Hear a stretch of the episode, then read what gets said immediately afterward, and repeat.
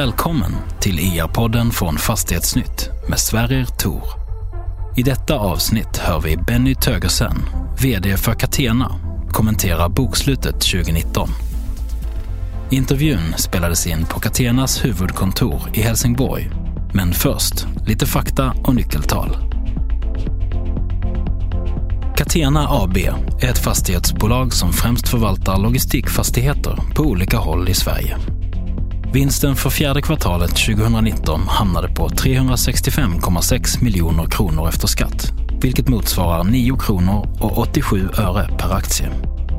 Driftnettot blev 220,9 miljoner kronor och förvaltningsresultatet 148,8 miljoner kronor. Överskottsgraden hamnade på 74,2 procent. För verksamhetsåret 2019 föreslår styrelsen en utdelning på 6 kronor och 50 öre per aktie. Bolaget äger fastigheter till marknadsvärde 16,2 miljarder kronor och har ett eget kapital på 6,3 miljarder. Soliditeten är 35,6 procent, räntetäckningsgraden 4,1 gånger räntekostnaderna och belåningsgraden är 54 procent. Långsiktigt substansvärde är 202,87 kronor per aktie. Catena är börsnoterat med en 70% i free float och bolagets VD är Benny Tögersen.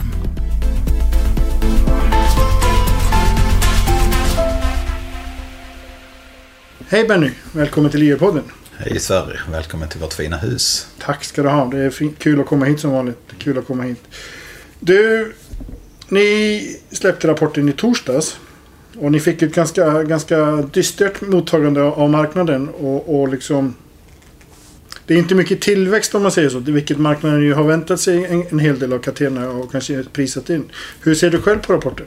Jag vet inte riktigt om jag kan hålla med på att det inte är tillväxt, för det har vi. Vi har hyrestillväxt och vi har tillväxt i förvaltningsresultat och vi har fortfarande en, en uh, riktigt bra uh, projektportfölj. Mm. Uh, och med de delarna är jag nöjd och hela året är jag absolut nöjd med. Det är riktigt bra. Däremot så tycker jag det enskilda kvartalet där eh, dippar vi lite grann. Mm. Men det har sina förklaringar och Eh, det mesta av det är av en engångskaraktär. Precis, för det är ju när man tittar på kvartalet så ligger ju förvaltningsresultatet ungefär i, på samma nivå som, som 2018. Ja. Och det, den enda stora skillnaden är ju en, en central administrationskostnader som stiger med 3 miljoner ungefär för kvartalet. Ja, men knappt tänker jag ändå att det är. Om du då ser på både förvaltning och central del så, så skiljer det inte så mycket. Eh, mm. Utan de stora posterna det är ju fastighetsskatten som eh, drabbar oss enskilt i kvartalet med eh, cirka 5 miljoner och vi har effekter på eh, lite hyresförluster eh, och eh, lite på vårt giv ute i Bjuv. Mm. Eh, och rensat från det så, så ser det ju bra ut. Okay. Men det räcker inte. Det räcker inte, nej. nej. när, man, när man har varit börsens klarast lysande stjärna då, då har man stora krav. Det, det, det betingar. Eh, eller förpliktiga kanske det heter. Eh, jag tänkte vi ska fråga lite om, om Abieu lite senare. Men, men eh, de här hyresförlusterna du nämner. Är det någonting som är alarmerande eller någonting som... Nej, det ser jag inte det som. Eh, det är ändå på ganska små nivåer och eh, det är klart för en enskild fastighet så påverkar det. Eh, men i det stora hela så är det absolut hanterbart. Jag ser inte riktigt trenden om du skulle se ur handelns perspektiv och så. Vi har varit förskonade genom åren här och detta är nog den första som jag är med om själv. Mm, mm. Alltså själva segmentet har ju varit otroligt hett de senaste åren.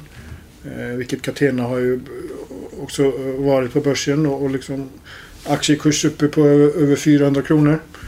Vi har sett transaktioner i marknaden där det har liksom en yieldnivå på, på under 5% vilket är ju eh, i stort sett orimligt om man tänker på liksom hur det var för, för några år sedan bara.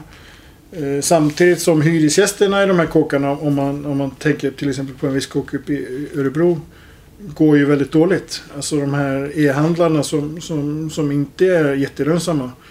I det här fallet XSL. Är, är det någonting i den här ekvationen som inte går ihop? Nej, jag bara försöker tänka lite snabbt. Eh, exempel och klarhet i marknaden. Eh, du pekar på en fastighet i Örebro. Eh, mm. Kanske lite av den typen som eh, vi inte har varit de som har sprungit på i första hand. Absolut inte att förvärva kåkarna. Mm. Att bygga och producera mot en kostnad och, och kunna hantera det. Och, eh, vad ska säga, även kunna hantera den yieldkompressionen som uppstår under resans gång. Det är en sak. Att förvärva den på de här nivåerna, det är en helt annan sak. Vi har inte gett oss in i den, i den delen av affären och det har jag varit tydlig med genom åren också. Eller genom åren, under de här tre åren jag har tagit del av det. Det, det är kanske ändå den analysen jag själv har gjort att, att fundera på vilka kåkar, vilka lägen, vilka möjligheter mm. att, att hantera. Eh, sen eh, eh, tänker jag fortfarande i de stora penseldragen. Eh, den digitala handeln, jag har pratat väldigt mycket om det, fortsätter att göra det. Vi är fortfarande bara på en eh, penetration om 10 procent och detta, vi pratar om en beteendeförändring, vi pratar om en demografifråga. Så att det kommer att fortsätta eh, behövas fler kvadratmeter, både lagerytor och terminalytor på, på rätt ställen. Sen är det alltid mer, eh, vad ska man säga, risker när man går in i transaktionsmarknaden och köper på de här nivåerna. Mm. Eh, och det är vi väl medvetna om. Mm. Och jag tycker vi har hanterat det bra. Och ni håller det borta från, ni köper inte färdiga projekt idag eller? Inte i den utsträckningen och eh, eh, det är klart att man ska aldrig säga aldrig. Vi förvärvar ju tre eh, fastigheter i Danmark men det är inte på de nivåerna. Mm. Och eh, kanske med den enskilda potentiella risken som finns där. Just eh, förvärvet i Danmark är ju väldigt intressant. Ni gör ju alltså det är betydande på ett sätt. Ni har ju haft, genom Tribona fick ni ju en, i alla fall en fastighet i Danmark. Eh, nu vet jag inte om, om den är kvar men eh, hur ser ni, alltså hur stort kommer Danmark att vara i, i Catenas framtida strategi? Är det liksom är det en ny marknad för att gå in nu liksom? Är det här liksom en, en engångsföreteelse eller, eller liksom, kommer ni köra mer Danmark? Vi kommer att köra mer Danmark, det är högst troligt. Eh, för oss är det väldigt naturligt. Jag pratar väldigt, väldigt mycket om Öresundsregionen, Greater Copenhagen. Jag nämner ofta eh, Femman Bält och, och, och, när den förväntas att vara färdig 2028.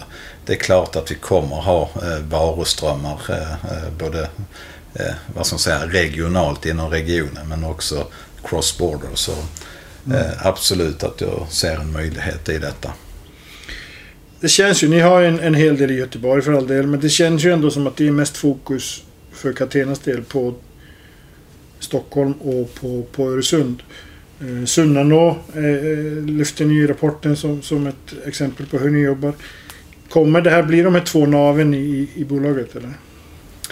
Jag är jättegärna i Göteborg också men där är, där, där är lite för mycket inmutat. Men vi, vi, vi har, eh, vi har eh, eh, förhoppningar på att kunna utveckla i Göteborg också. Vi har ju faktiskt en markanvisning också kring Landvetter och flygplatsmotet som vi har att hantera en mm. potentiell möjlighet över tid.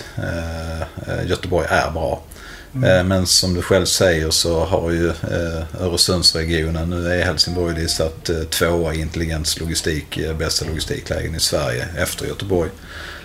Malmö sexa. Mm. Jag ser inte de här som två olika regioner utan som en del av större Köpenhamnsområdet. Så det, det är ett utmärkt logistikläge och vi ser också efterfrågetrycket det är stort här nere. Mm. Samtidigt eh, helt jämförbart i storlek och bestånd. Där har vi Stockholm. Och där vi då eh, på något sätt tror stenhårt på Stockholms södra infarter av, av samma anledning och samma logik som eh, Stockholm norrort har etablerat sig och blivit ett, en bra logistikposition. Mm. Om du ritar upp med, med stora penseldrag Sverige som, som en logistikmarknad. Då är ju Göteborg har du ju... Alltså där kommer ju en hel del transporter från, från Atlanten. Mm. Skåne, som du säger, Fem, Bält, när det kommer så kommer det ju vara ett, liksom ett, ett ännu större flöde av varor. Eh, sen pratar man om den nya sidenvägen från, från öst. Är Stockholm navet där inne eller kommer, kommer det komma ännu en liksom Ja, det ena har du i Stockholm och vi, vi vet om eh, Novik eh, på gång och vi vet att Norrköping är, är duktiga och aktiva på det här. Men du har också en sydlig rutt som kommer att gå genom Polen eh, mm. och upp genom södra Sverige. Skåne, Kalmar. Karlskrona, eh, men kanske väldigt mycket också Trelleborg. Okej. ska man inte glömma. Eh, Så det ser jag som eh, de sydliga alternativen. Och eftersom väldigt stora volymer ändå kommer att komma genom Polen så ser jag det som ett ganska naturligt nav att, att dra det den vägen eh, uppåt. Får vi se Catena i Polen då? Hold your horses.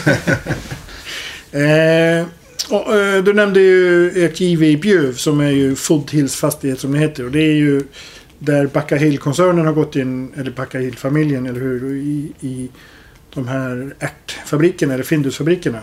Ja, de har ju gått in som en av flera parter eh, i det här. Mm. Eh, Och eh, som en vad ska man säga, delmängd av detta så har vi ju vårt Food Hills eh, Fastighets AB som då ska hantera det som är fastighetsdelen på området. Och där har ni en förlust. Där har vi en förlust. Vi kan säga att det har tagit lite längre tid än vad vi hade förväntat oss att etablera platsen och dra till eh, tillräckligt med hyresgäster. Eh, Men vi ser att det går åt rätt håll. Eh, Vi förväntar oss förbättringar redan till nästa år och ja, vi har en plan för att dra det här vidare. Har också fått jobba lite på kostnadssidan på anläggningen med bland annat så här ganska hög energikonsumtion som är lite av arvet av det som fanns i Findusfastigheten. Vi har bland annat plockat bort allt det som har haft med uppvärmning och ånga. Ångproduktion eh, var ju det som, som drev platsen men nu, nu använder vi andra tekniker för att värma upp fastigheten. Så det, det har varit ett, ett investeringsbehov i fastigheten också. Okej, så det, det är en, en, du ser det som en investering? Jag ser det som en investering, absolut. Okej. Logistikmarknaden är ju en, en marknad som är väldigt global. Det ligger i sakens natur. Det kommer flöden från olika världsdelar. Nu har vi en, en lite kanske mer orolig konjunktur i världen. Vi har, det har vi ju pratat om lite tidigare. Någonting som vi inte pratat om tidigare är, är det här viruset, coronaviruset. Ser du någonstans att det finns Ser du några orosmoln som skulle kunna påverka logistiksektorn därifrån? Liksom att folk inte vill köpa varor från Kina. Vi, vi, vi ser, pratar om att folk inte vill... Ja, man vill inte vistas i närheten av kineser just nu. Väldigt mycket.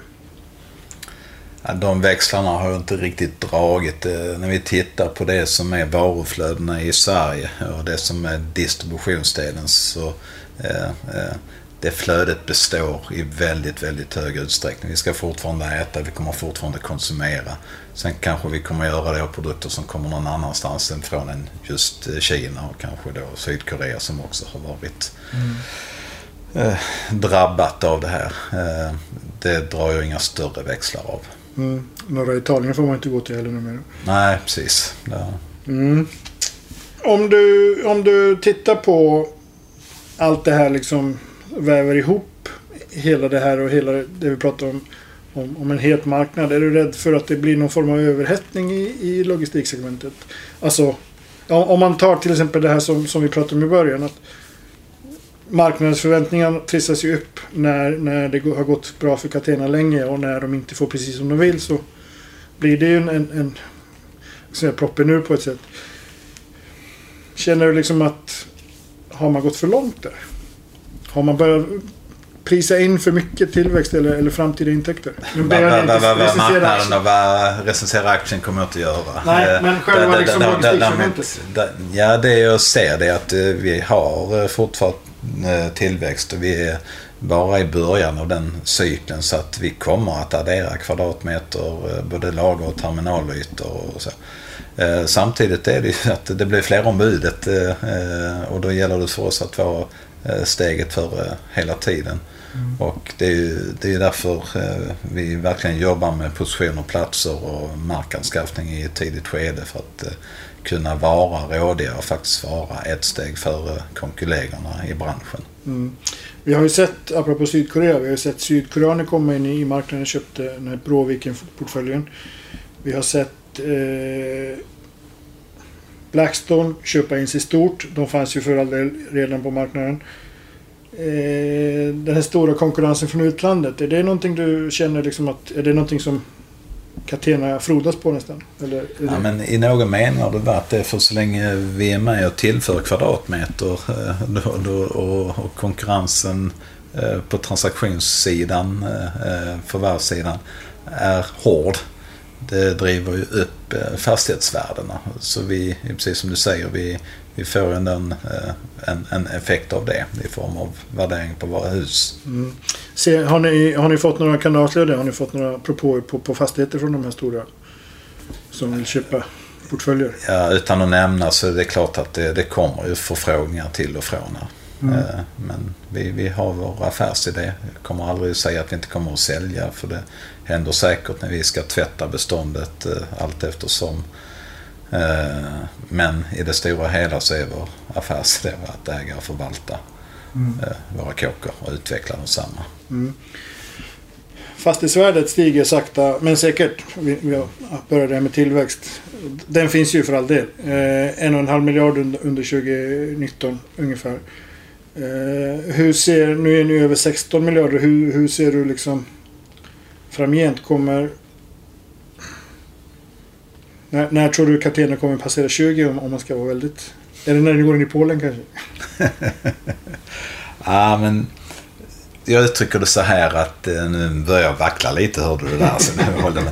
Eh, det är att vi tar det som det kommer i någon mening. Vi ska inte stressa för att göra dåliga affärer eller någonting utan vi vill hela tiden agera på bra, bra affärer och bra möjligheter samtidigt som vi eh, ska fortsätta driva på med vår, våra projekt och vår projektutveckling. Mm. Jag vill hålla den lite så lös och ledig. Vi ska inte tvingas in i ett hörn och göra någonting som är mindre bra utan varje affär, eh, var och en för sig, ska stå på egna ben. Mm. Sen visar ju Catenas historia att det går att göra väldigt bra affärer. Mm. Som Tribona till exempel. Det är där så börjar runda av Benny. Men jag har en sak som jag blev lite nyfiken på. Det är ett, ett långt ord, ett stort ord. Multihyresgästlager. Vad är det? Det är ett eh, lager där man kan ha många hyresgäster i ett och samma eh, och eh, där vi ur Catena-perspektiv gärna går lite kortare på avtalen för att få mer in och utflytt. Skapar dem typiskt på ställen där det finns vad ska säga, väldigt bra efterfrågetryck. Men, men konceptet är flera hyresgäster i samma fysiska byggnad men där vi lätt kan eh, eh, addera och eh, ta ifrån kvadratmeter allt eftersom saker och ting förändras. Så coworking för lager typ? Lite så, fast man lever ändå sitt eget lilla liv i just den ytan man är på. Mm, spännande. Där har ni ju byggt en hel del. Eh, och har, har ett projekt som ni precis färdigställt och ett, ett igång, eller hur? Ja. Eh, ser du en stor tillväxtpotential där? Ja, men tittar du runt om i Europa så finns det faktiskt flera aktörer som gör eh, liknande saker på det här väldigt genomtänkta sättet. och det, det, handlar väldigt mycket om att dels tillföra marknaden och som hyresvärd är det ett fantastiskt sätt att balansera riskmöjligheter. Mm, mm. Spännande. Det blir kul att snacka om det lite mer framgent. tack för att du gav dig tid Benny. Ja, men tack själv för att du kom hit. Mm.